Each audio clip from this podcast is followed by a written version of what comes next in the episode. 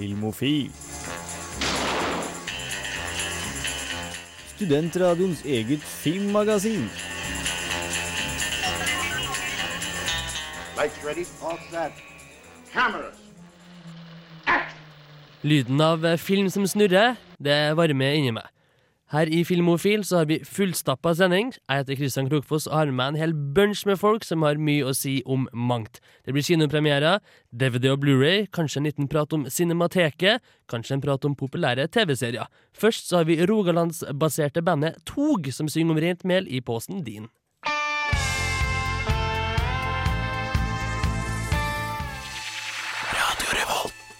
Tog fra Rogaland der, altså. Vi snakker filmnyheter her i Filmefil. Jeg har lurt Sigurd Vik inn i studio, og du har som vanlig noe spennende på tapeten. Selvfølgelig, tapeten eh, er full av overraskelser, og øverst på tapeten i dag så står det at uh, Norge har endelig bestemt seg for hva vi skal ha til Oscar-kandidat i år. Yeah. Det blir uh, trommevirvel eh, Eh, der, ja. Uh, 'Engelen'. Uh, Margaret Olins film 'Engelen', der altså om eh, en eh, rusbelastet mor som eh, sliter med valgets kvaler over hva hun skal gjøre med sitt barn. ja, sterke saker der. Sterke saker. Den vant jo Folkets Amanda, så at eh, folk liker filmen, det er det ikke noe tvil om. Om det er bra nok til å bli nominert for beste utenlandske film på Oscarsen, Det det gjenstår å se. Det er ikke ofte Norge får den eh, gleden. Det er vel direkte sjeldent at vi gjør det. Så, men lykke til, for all del. Ja. Eh, på en litt eh, annen uh, F-note, så Snehvit den er jo ganske kjent og kjær. Ja. Den, den vet vi om. Uh, nå kommer det nok muligens en ny filmatisering åkke som. Da er det da eh, han godeste Ja, hva han heter Han som laga fantastiske Amelie og Alien Resurrection. Jean Piré Jeanette. Han eh, skal angivelig da ta regien, og så er det Natalie Portman som skal spille denne vakre Snehvit. Nå snakker vi. Den er litt annerledes enn Disney, for han går tilbake til Grim-versjonen, visstnok, og der er ikke nødvendigvis sånn at det er ei ond stemor som setter ut dattera si, det er kanskje faktisk ei ond mor. Ja. Ei sjalu mor, så det er litt mer sånn uh, grotesk ekkel. Ja, På en Alien-note så har jo Sigourney Weaver spilt i en Snehvit-film også tidligere, men uh, det er vel også da for de spesielt interesserte. Du er et vandrende trivium, du, Sigurd Vik. Det har du aldeles rett i, Christian Krokfoss. Så til slutt, uh, i det her nyhetsinnslaget, en gladnyhet. HBO-serien Boardwalk Empire har endelig hatt uh, slipp i USA. Det var rekord. Sju millioner seere så piloten eh, på søndagen som var. Det må tilbake til 2004 og Deadwood for å finne lignende seertall på en åpnings... eh, Også en meget god serie. også en meget god serie. Det er da Terence Winter, Sopranos-skaperen, som har laga denne serien. Og det er ingen andre enn godeste Martin Scorsese som har eh, regien og produsentansvaret i det her. Det handler om eh, alkoholforbudstid på 30-tallet i USA. Og eh, ut fra det jeg har sett, så ser det rett og slett aldeles nydelig ut. Jeg vil anta at det er noen tvilsomme fyrer som ser muligheten til profitt i denne forbudstida. Kanskje det er starten. Var du på det manusmøtet, du, Krokos? Dette er jo spot on. Snek meg inn. Veldig bra. Men eh, sånn eh, musikalsk sett så er det jo også litt sånn eh, gritty og, og god rock'n'roll. Jeg har sittet og sett litt på, på de her promoklippene som har kommet fra HBO, mm. fra Boardwalk Empire. Og de har tatt tak i et australsk band der som heter Tame Impala.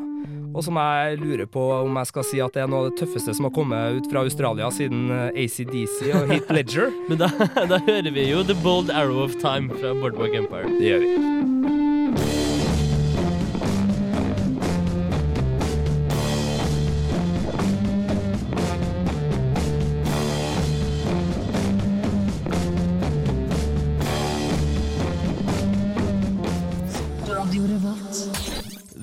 Bold Arrow of Time av Tame, Tame Impala fra Boardwalk Empire. Jens Erik Våler i studio. Yes, hallo. Du òg har eh, nyheter, selvfølgelig, fra filmverden. Det har jeg, men eh, aller først så må jeg arrestere Sigurd litt, grann, og, eh, for han heter Jean-Pierre Genet.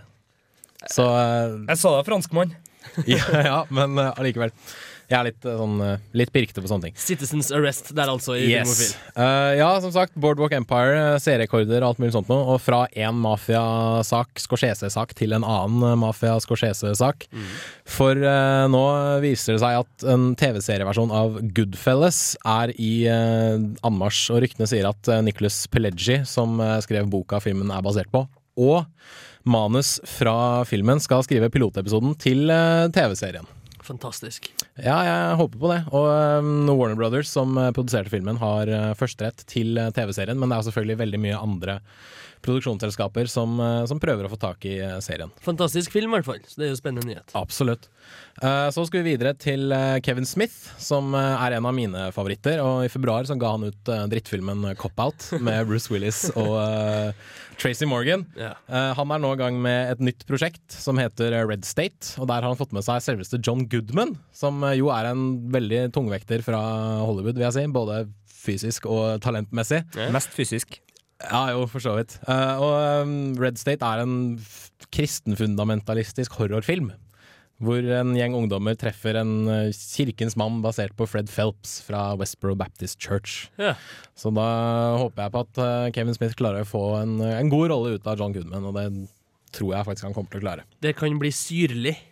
Absolutt. Og eh, John Goodman eh, Hvis det er John Goodman som spiller skurken, så gleder jeg meg allerede.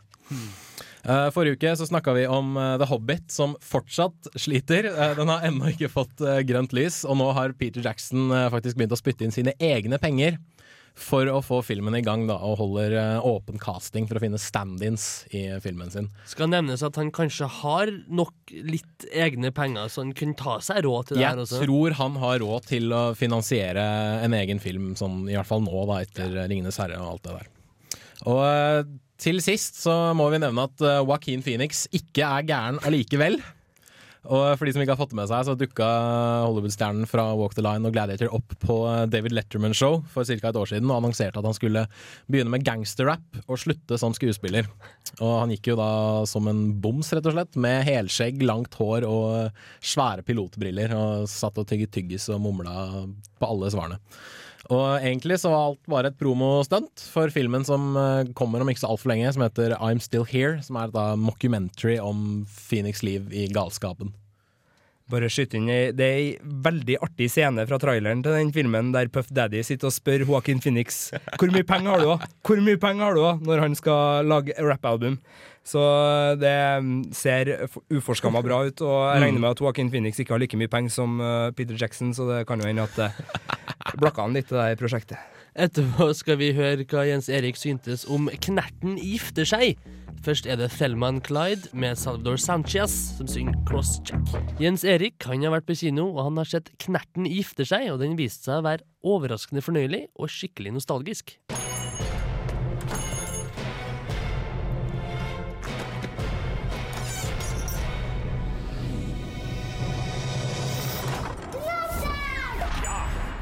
Lurer du sikkert på hva lillebror og jeg gjør nedi her. Og det gjør egentlig jeg også. Nok en gang skal vi ut på eventyr med Lillebror og Knerten fra Anne-Kat. Vestlis bøker. Historien burde vel egentlig være kjent for de aller fleste. Da lillebror var ny i bygda, fant han en trepinne som lignet et menneske, og skapte Knerten. En selvsikker og gatesmart fyr litt utenom det vanlige. Jeg tuller så fælt. Jeg skjønner at du tror det er tull, men altså, dette er på ordentlig, lillebror. I Knerten gifter seg blir vi transportert bakover til en mye enklere tid, da vi fortsatt hadde 25-øringer, TV-bildet var i flimrete svart-hvitt, og små barn var tilsynelatende stort sett overlatt til seg selv. Midt oppi alt dette drømmer lillebror om en ny sykkel, mens Knerten møter pinnen i sitt liv, Karoline. Samtidig blir lillebrors mor utsatt for en ulykke, og lillebror er fast bestemt på å finne den som forårsaket ulykken. For man kan da ikke la slemme folk som kjører på en mor, slippe unna med det. Kjartan, Å ja, det er en bil som kjører på mor. har vi ingen bevis for. Jo, blinklyset. Den biten vi fant i veikanten. Hva slags folk er det som kjører på en mor, da?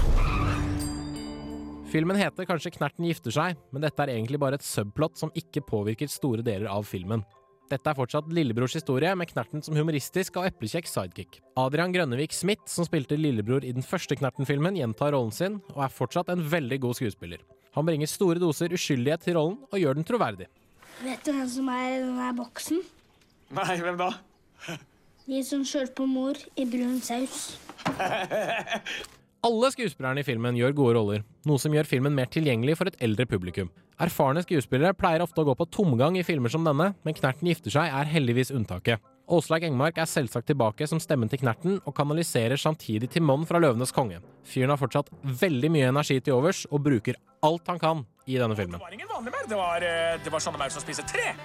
Og jeg bare kjente at de beit, og de sa nei, nei, skal vi spise deg. Jeg sa nei, nei, ikke spis meg! Og jeg løp Den eneste rollen jeg ikke kjøper, er Jan Gunnar Røise som lillebrors far. Han ser rett og slett litt for ung ut til å ha to sønner i henholdsvis barne- og tenåringsalderen, til tross for hipsterbriller, bukseseler og sidesleik. Dessverre må vi nok akseptere å se han i et par norske filmer til. Manuset er godt skrevet både for barn og voksne, men har dessverre noen vitser som kanskje vil få barna til å le, men som kan bli ganske frustrerende for de litt eldre. Det er ganske slitsomt å være detektiv. Og forelska samtidig. Det finnes filmer som er nostalgiske, mange av dem utgitt de siste fem årene, og så er det filmer som er så gjennomsyret av nostalgi at det siver ut fra hver eneste sprekk. Knerten gifter seg er en slik film. Her er noe for absolutt alle, enten de er 8, 28, 48, 68. Jeg lot meg rive med, og så samtidig tilbake på min egen barndom, da alt ofte var lett og komplisert på samme tid.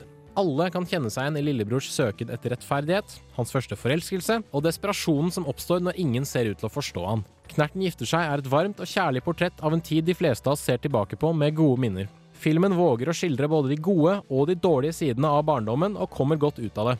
Her er det respekt for både Anne-Cath. Vestlis bøker, tiden de skildrer, og publikum. Terningkast fire.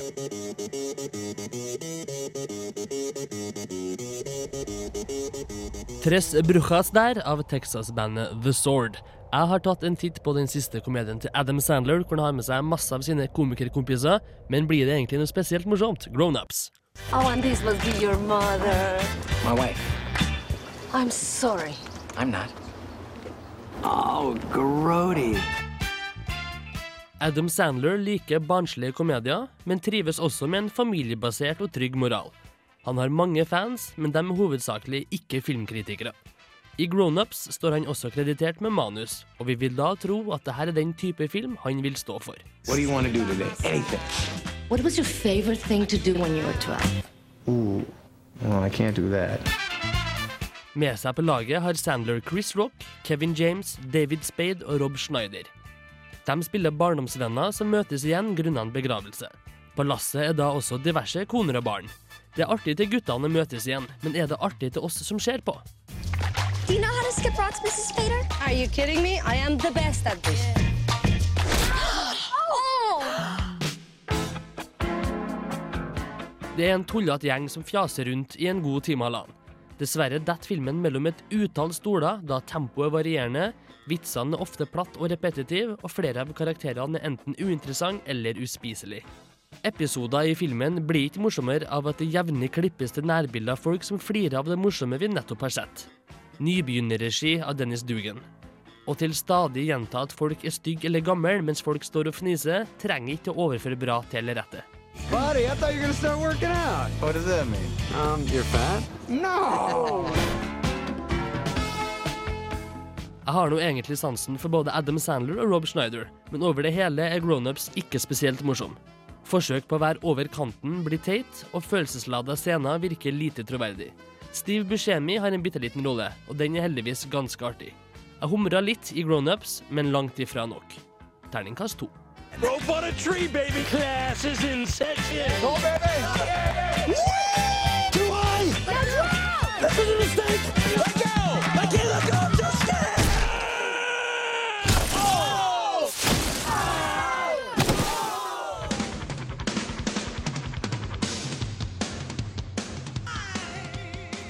Axl Rose der altså, fra Guns N' Roses You Could Be Mine. Sverre Torp Solberg han mente at Wall Street, eh, den første altså, var banebrytende, og han har vært og sett på nummer to, som heter Money Never Slips.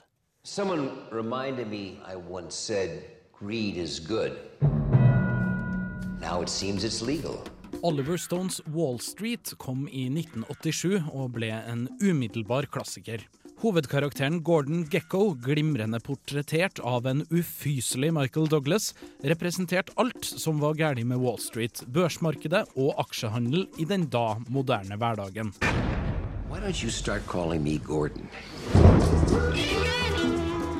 Filmen fortalte om hvordan jappetida og et ustyrlig aksjemarked utløste en finanskrise som rysta hele den vestlige verden. Med en ny global finanskrise er det da kanskje bare på sin plass at det nå, 23 år senere, kommer en oppfølger. Gordon Gecko was one of the biggest names on Wall Street before he went to prison for insider trading. Wall Street 2 Money Never Sleeps forteller dessverre litt for lite om finansverdenens korrupte univers. Hovedhistorien dreier seg mindre om grådighet og umoral denne gangen. Finansuttrykkene har også siden 80-tallet blitt mer komplisert, global og vanskelig å forstå for den gjengse kinogjenger. Regissør Stones løsning fokuser på noe annet. This is not about the money. This is about you and me. It's about doing the right thing. It's about the game. Please allow me to introduce myself.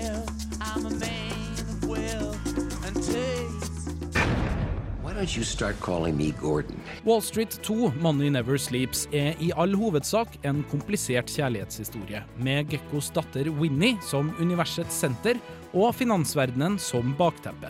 Winnie er forlova med den unge og lovende investoren Jake, spilt av Shia LaBeouf. Jake møter Gordon Gekko bak Vinnies rygg etter at Gordon slipper ut av fengsel.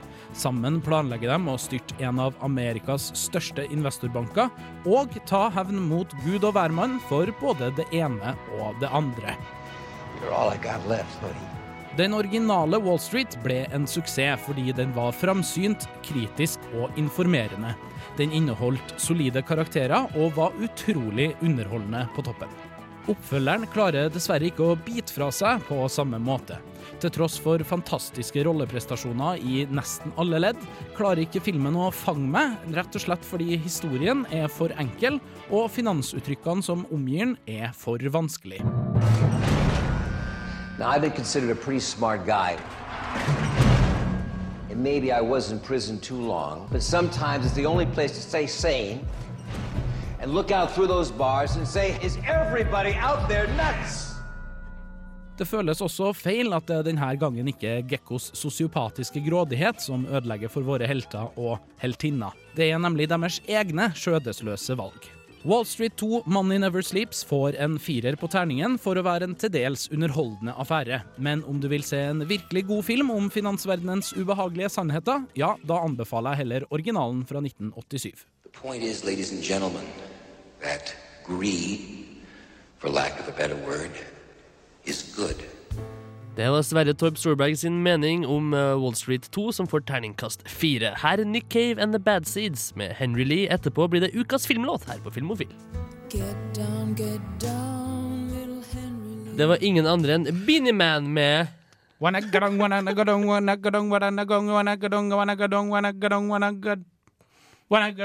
her på Filmofil på Radio Revolt. Vi har kommet til en eh, rimelig fast skal vi si, spalte som vi kaller Ukas filmlåt. Og her er det Jens Erik som har gleden av å introdusere en eh, kjenning for oss. Det stemmer. Ukas filmlåt kommer fra 500 Days of Summer, som eh, kom ut uh, i fjor. Og um, ja, som de sier i filmens uh, introduksjon, at uh, dette er en historie om da han møtte henne, men dette er ingen kjærlighetshistorie. Yes. Og uh, jeg føler jeg fortsetter litt denne sexforbindelsen med ukas filmlåt. Da, fordi, Bra. fordi For to uker siden så var det jo en lapdance-scene, forrige uke så var det en sexscene, og nå så skal vi til etter sexen har funnet sted. da. Så vi har hele, hele akten. Hele akten. Og etter at dette paret har ja, ligget med hverandre for første gang, så går hovedpersonen, spilt av Joseph Gordon-Levitt, på jobb. Med, hvor denne låta spiller i bakgrunnen. Og plutselig på gata så er det veldig mange folk som De hilser på han, de glatt, gratulerer han, de uh, klemmer han, og de er veldig hyggelige mot han. Og plutselig så bryter alle ut i et svært dansenummer midt på gata. Og plutselig så er det en musikal, da. Og jeg syns det er et sånt herlig selvparodisk uh, øyeblikk. Og det er veldig, veldig mye glede over låta, og veldig mye glede i scenen. Så det er derfor den har blitt valgt. Men uh, den her, sier du, hvilken låt er det snakk om? Ja, det er Det burde jeg ha sagt. Det er uh, Hall Notes med You Make My Dreams. Selvsagt, som da er ukas filmlåt her på Filmofil.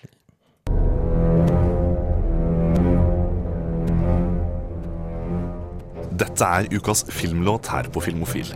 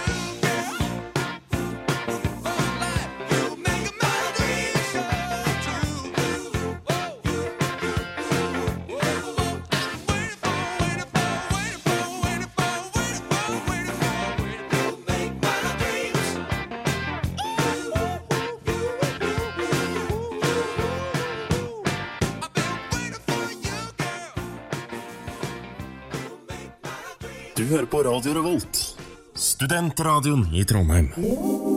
Låta het 'Knockout in Reverse'. Den fikk du fra bandet Shimmering, som egentlig er en 19-åring som heter Bendik Kjelsberg. Rosendal kino det skal legges ut for salg på det åpne markedet. Det betyr at en del av den trønderske filmscenen har blitt nødt til å finne seg andre lokaler. Filmreporter Sverre Torp Solberg har snakka med en av de berørte partene i kampen om Rosendal.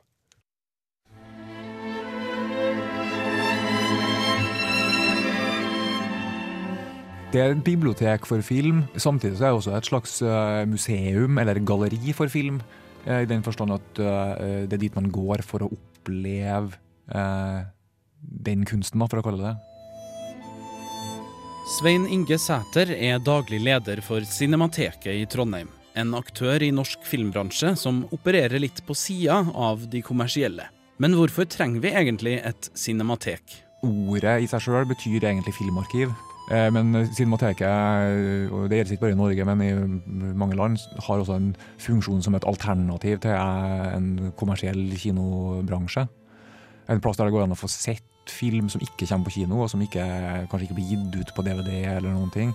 Så det å få en formidlingsarena for film som er produsert enten lokalt eller i eh, land som ikke har det samme apparatet som i Norge. eller sånne ting. Cinemateket og Sæter har jobba for å bygge opp en filmens storstue i det gamle kinobygget på Rosendal. Det her ble ikke noe av, for nå legger kommunen snart bygget ut på det åpne markedet. Det var ønskelig hvert fall å få til en, eh, en plass der eh, de som jobber med film i Trondheim kunne samles på, og så bygge deretter. Det ville medført at så å si all organisert filmvirksomhet har vært samla på et sted i Trondheim. I et ganske sånn enkelt håndgrep. Og det er jo selvfølgelig også vår ambisjon fortsatt. Ja, for Sæter håper på å få med seg Cinemateket, Filmklubben, Midtnorsk Filmsenter, NTNU og andre aktører i trøndersk filmbransje når de nå ser seg om etter andre lokaler for å samlokaliseres. Men hvorfor skal det lykkes andre plasser når det ikke lyktes på Rosendal? Um, først og fremst fordi at vi ikke har tenkt å gi opp. Um, og det, det som er viktig for oss, det er rett og slett å få brukt de ressursene som finnes på best mulig måte. Cinemateket drives profesjonelt i den forstand at vi har faste ansatte eh, medarbeidere og et eh, relativt brukbart eh, årlig budsjett. Også når det gjelder leie av kontor og kinosaler og andre fasiliteter. Midtnorsk Filmsenter er jo et fullstendig offentlig foretak, så vi regner med at de pengene som allerede på en måte finnes i våre system, kan brukes på en måte som gagner hele filmmiljøet på en langt bedre måte enn i dag. Så det er det som vår ambisjon er rett og slett å få, få brukt hver krone på en mye mer konstruktiv måte. Så det trenger ikke å koste så mye mer enn det gjør i dag. Men vi forventer selvfølgelig at satsinga på film blir holdt på, hvert fall på nivået den er nå. Så kan det være opp til, til oss som jobber på daglig basis, til å, til å forme samarbeidet videre. Vi skal snart høre mer om Cinematekets høstprogram, som Svein Ingesæter har fortalt oss her i Filmofil. Først er det Track Ademics med Full on the Hill.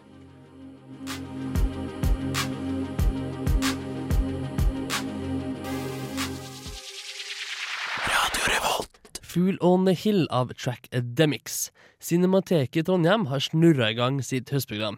Filmofil har snakka med sjefen sjøl, Svein Inge Sæther, for å høre hva Trondheims filminteresserte kan få med seg utover høsten. Vi har jo eh, på en måte en slags tradisjon når det gjelder cinematekprogrammering i å sette opp eh, ganske omfattende serier med film. Eh, enten tematisk, der helt ulike filmer fra forskjellige land og tidsperioder blir satt i en, en felles sammenheng. Eller det som kanskje aller er vanligst, å, å trekke fram enkelte filmskapere. Men i den sesongen som vi er inne i nå, så har vi en, en veldig omfattende serie med filmer av Michael Powell og Emerick Pressburger. To navn som kanskje ikke ringer så mange bjeller umiddelbart. Men de to jobba sammen fra slutten av 1930-tallet og, og, i ca. 20 år framover. Vil si gjennom andre verdenskrig og, og godt stykke ut i etterkrigstida. Og de laga filmer som, som både ble populære og til en viss grad vel mottatt, sjøl om de var ganske kontroversielle i sin samtid. Det som har skjedd i ettertid, er at uh, filmene i flere, i flere perioder har blitt gjenoppdaga og på en måte dratt fram i lyset igjen av uh, ganske betydningsfulle folk uh, i, i den internasjonale filmen. Hvis man skal, man skal se på hvem det er som har på en måte fronta Powell og Pressburg sine filmer aller størst, så er det ikke noen tvil om at Martin Scorsese har vært veldig avgjørende. Og også satt i gang en del prosjekter som har ført til at Paolo Pressburger-filmer har blitt restaurert og satt ut i kinosirkulasjon igjen. Så øh, den øh, serien med film, den, øh, det er sånne ting som store filmfestivaler som Cannes og Karlovari i Tsjekkia gjerne viser som, som retrospektive elementer i sine festivaler. Den har vi nå da tatt inn til Norge, og, og vi skal ha, ha ti filmer av Powell og Pressburger uh, gående utover i september, september. Uh, vi får heldigvis, uh, og det er jeg veldig glad for, vist Fritz Lang sin 'Metropolis' fra 1927 i den helt nyeste og fullstendige utgaven som fins. Den hadde verdenspremiere så sent som i februar i år. Så den uh, er da bortimot en halv time lenger enn de utgavene som har vært tilgjengelige tidligere av Metropolis. Og jeg, i tillegg, i oktober, den 18., så har vi da en uh, lokal satsing i samarbeid med Midtnorsk Filmsenter, der vi skal vise en hel rekke med nye trønderske kortfilmer. Det skal vi gjøre i Verksdalen på Svartlamoen, altså der vi nå har vårt midlertidige kontor. Så da blir det en uh, helaften med helt nye uh, trønderske kortfilmer. Alt fra uh, animasjon for, for, de yngre til, til spenningsfilm for, for oss voksne. og det da i et lokale med, med åpen bar, så det blir en, en liten filmfest for trøndelagsfilmen. Åpen bar der, altså. Tusen takk til Svein Inge Sæter, som tok en prat med oss her i Filmofil. Vi skal snart ta en titt på den nyeste på DVD og Blu-ray. Før den tid så er det Pastor TL Barrett enn et eller annet med Joyful Noise her på Filmofil.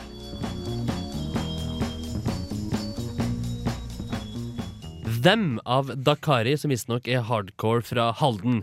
Enn det, vi har kommet til videotid her i Filmofil, hvor vi tar en titt på det som er på DVD og Blu-ray. Hva har vi sett i dag, eh, Solberg? Solberg har, eh, har faktisk sett flere timer med DVD i form av Glee. Ah, TV-serien som Ja. har vært en eh, farsott i Uniten Blast. Yes, og vi satser på at det blir en farsott også i Norge snart. Da skal vi prate litt eh, mer om det etterpå. Sigurd Vik har sett Prince of Persia. Det har ikke du, Jens Erik, har du? Men men du har spilt spillet. Jeg har spilt spillene, ja. Hva spillet godt? Spillene er kjempebra. Og Ypperlig. øh, hvis det er noen spillinteresserte, filminteresserte der ute, så anbefales Prince of Persia-spillene til øh, PlayStation 2. Men filmen den skal Sigurd Vik snakke om etterpå. Jonas han har sett Et øyeblikk frihet, en film jeg vet meget lite om. Her er Elvis Presley med Don't Be Cruel.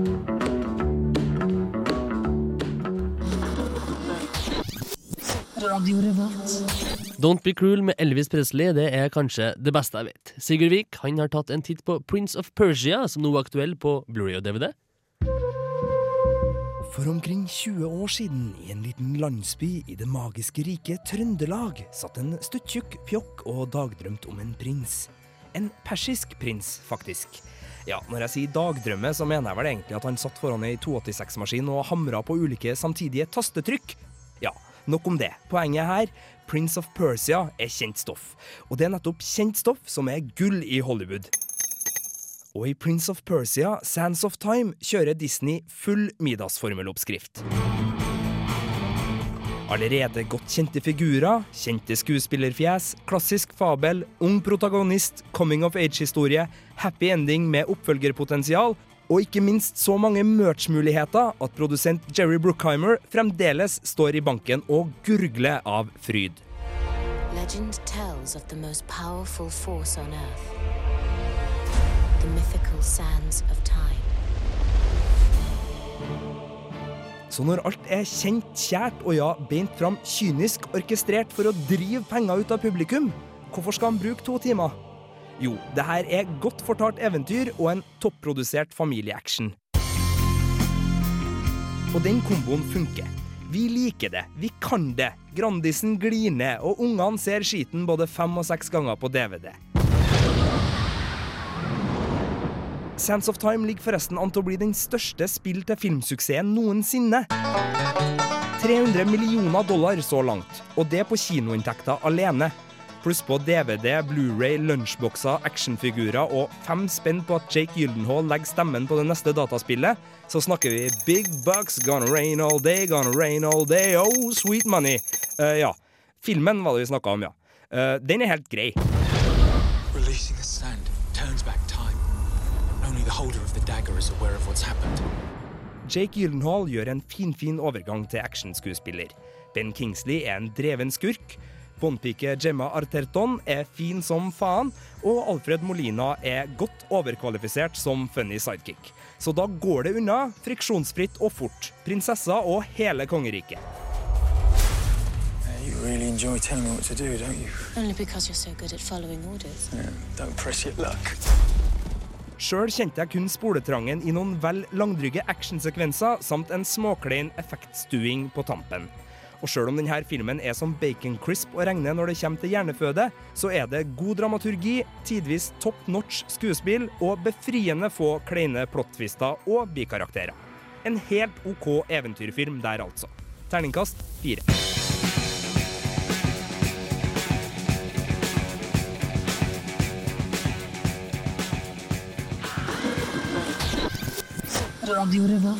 Immigrant Song der av Led Zeppelin, det er en klassiker. Jonah Kirkhus han har sett Et øyeblikk frihet på Blu-ray og eller DVD. Den handler om iranske flyktninger og har gjort det veldig bra på festivaler. Han hadde høye forventninger.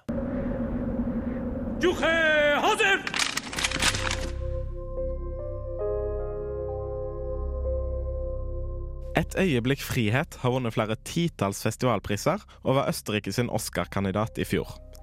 Det er en film om menneskeskjebner, håp og håpløshet, og det hele er basert på sanne hendelser. En historie med stort potensial for sterke følelser der, altså. Dessverre blir det en litt slapp og halvveis filmopplevelse. Hva var det,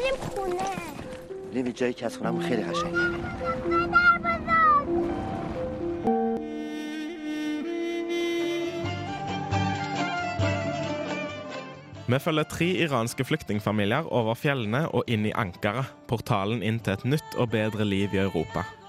Ankara blir en forsmak på hvordan det nye livet i Europa kommer til å bli, og en lovnad om en bedre tilværelse.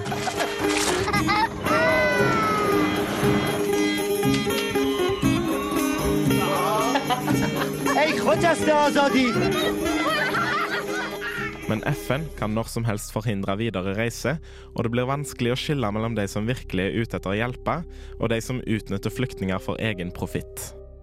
Filmens beskrivelser av glimt av håp i håpløse situasjoner kunne vært inspirerende hvis vi ikke har sett det samme mange ganger før. Alt er filmatisk og politisk helt korrekt, noe som gjør filmen ganske uinteressant.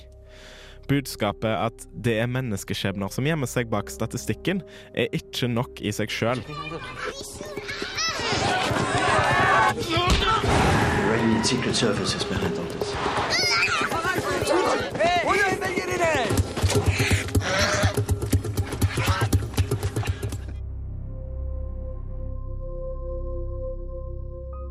Jeg klarer ikke å opparbeide den store sympatien for karakterene, og blir derfor aldri helt fenga av historien. I tillegg bidrar småting som usynka lyd, litt rotete klipp og små kontinuitetsfeil hele veien til å holde filmen på et middelmådig nivå. Festivalprogrammer lover deg at du vil le og gråte om hverandre. Jeg gjorde ingen av delene. Terningkast tre.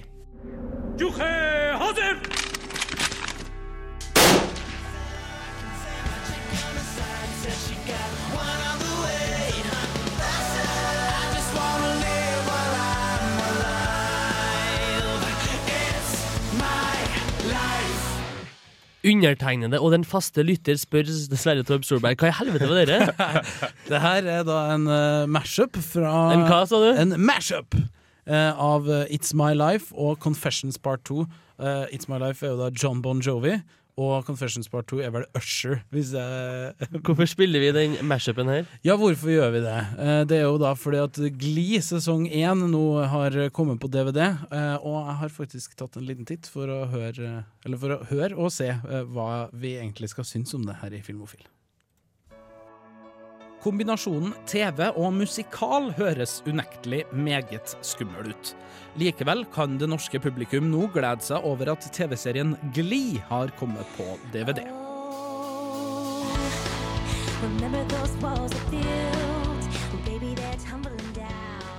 Plottet er syltynt, historien har gjennomgående flere hull enn en sveitserost, men Glees fortrinn ligger i musikken og en lite selvhøytidelig form for humor.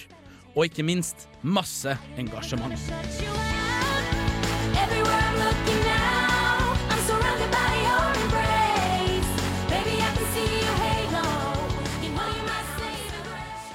Men hva handler Glee egentlig om?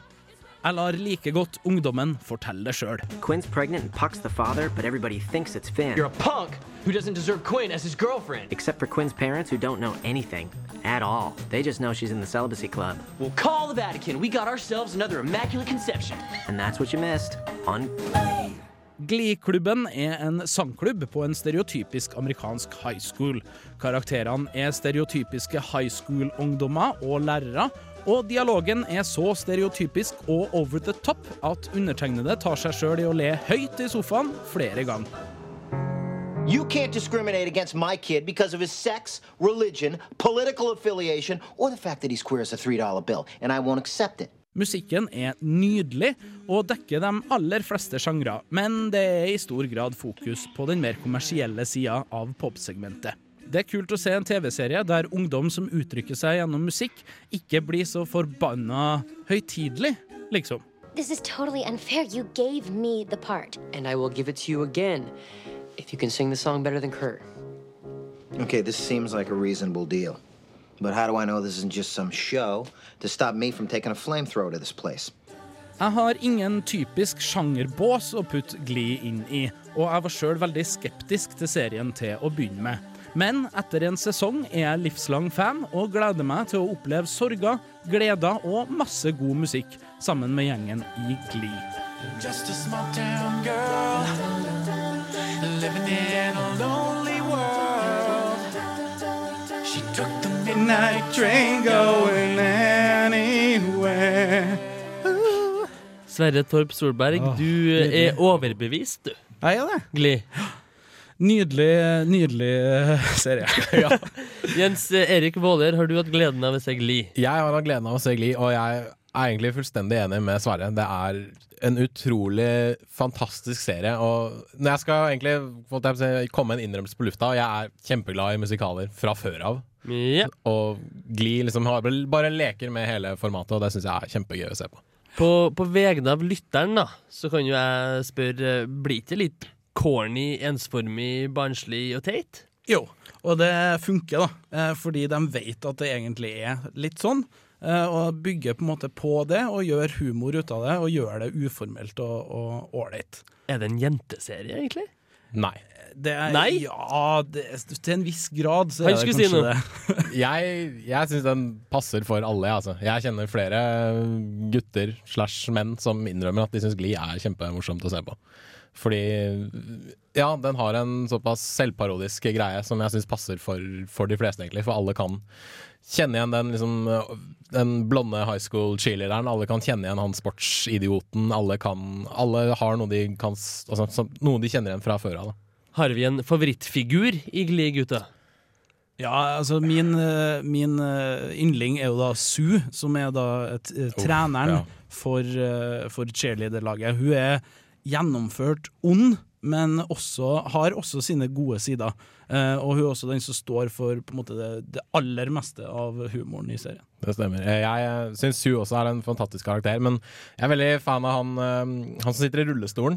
Eh. Artie Artie, er det han heter. For han er, han er skikkelig nerd, men han, han gjør uh, mye ut av det. Og han har en, i første sesong har han en jævlig kul uh, fantasidansescene som jeg anbefaler alle å prøve å finne på YouTube, for den er utrolig kul. Så Filmofil anbefaler altså Gli sesong én, Sverre, og du har vel mer musikk på, på lager? Eh, vi har det, vet du, fordi jeg tenkte jeg skulle spille av Det her er da fra eh, en scene hvor det er eh, en homofil gutt. Og eh, på en måte eh, denne Glee-klubbens eh, hovedsangerinne som gjør en diva-off. Eh, Det vil si de synger om kapp om hvem som skal få da hovedrollen i denne sangen, kan du si. Og den sangen heter da Defying Gravity.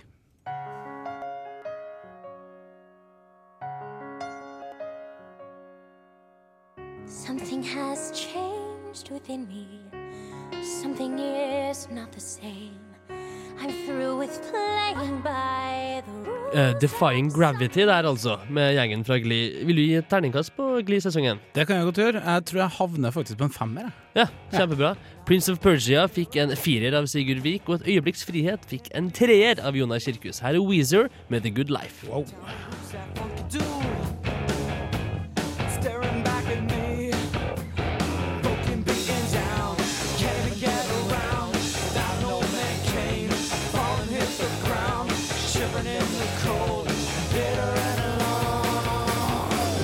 Hei, dette er Nikolai Kleve Broch. Eh, Jeg vil bare si, hør på Filmofil, så får du med deg mye bra stoff om film. Atomic batteries to power. Turbines to speed. Roger. Ready to move out.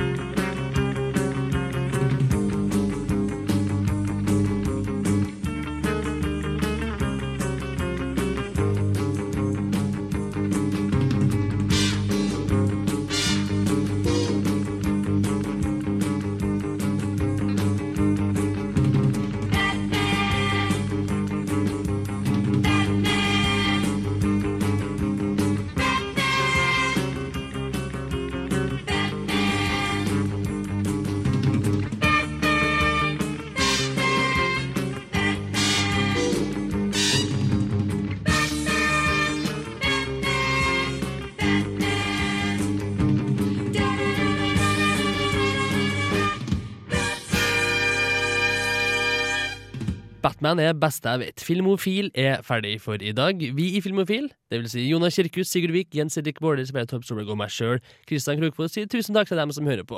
Vi skal legge ut podkaster, og dere kan feie på radiorevolt.no og sjekke våre sider. Kinopremierene.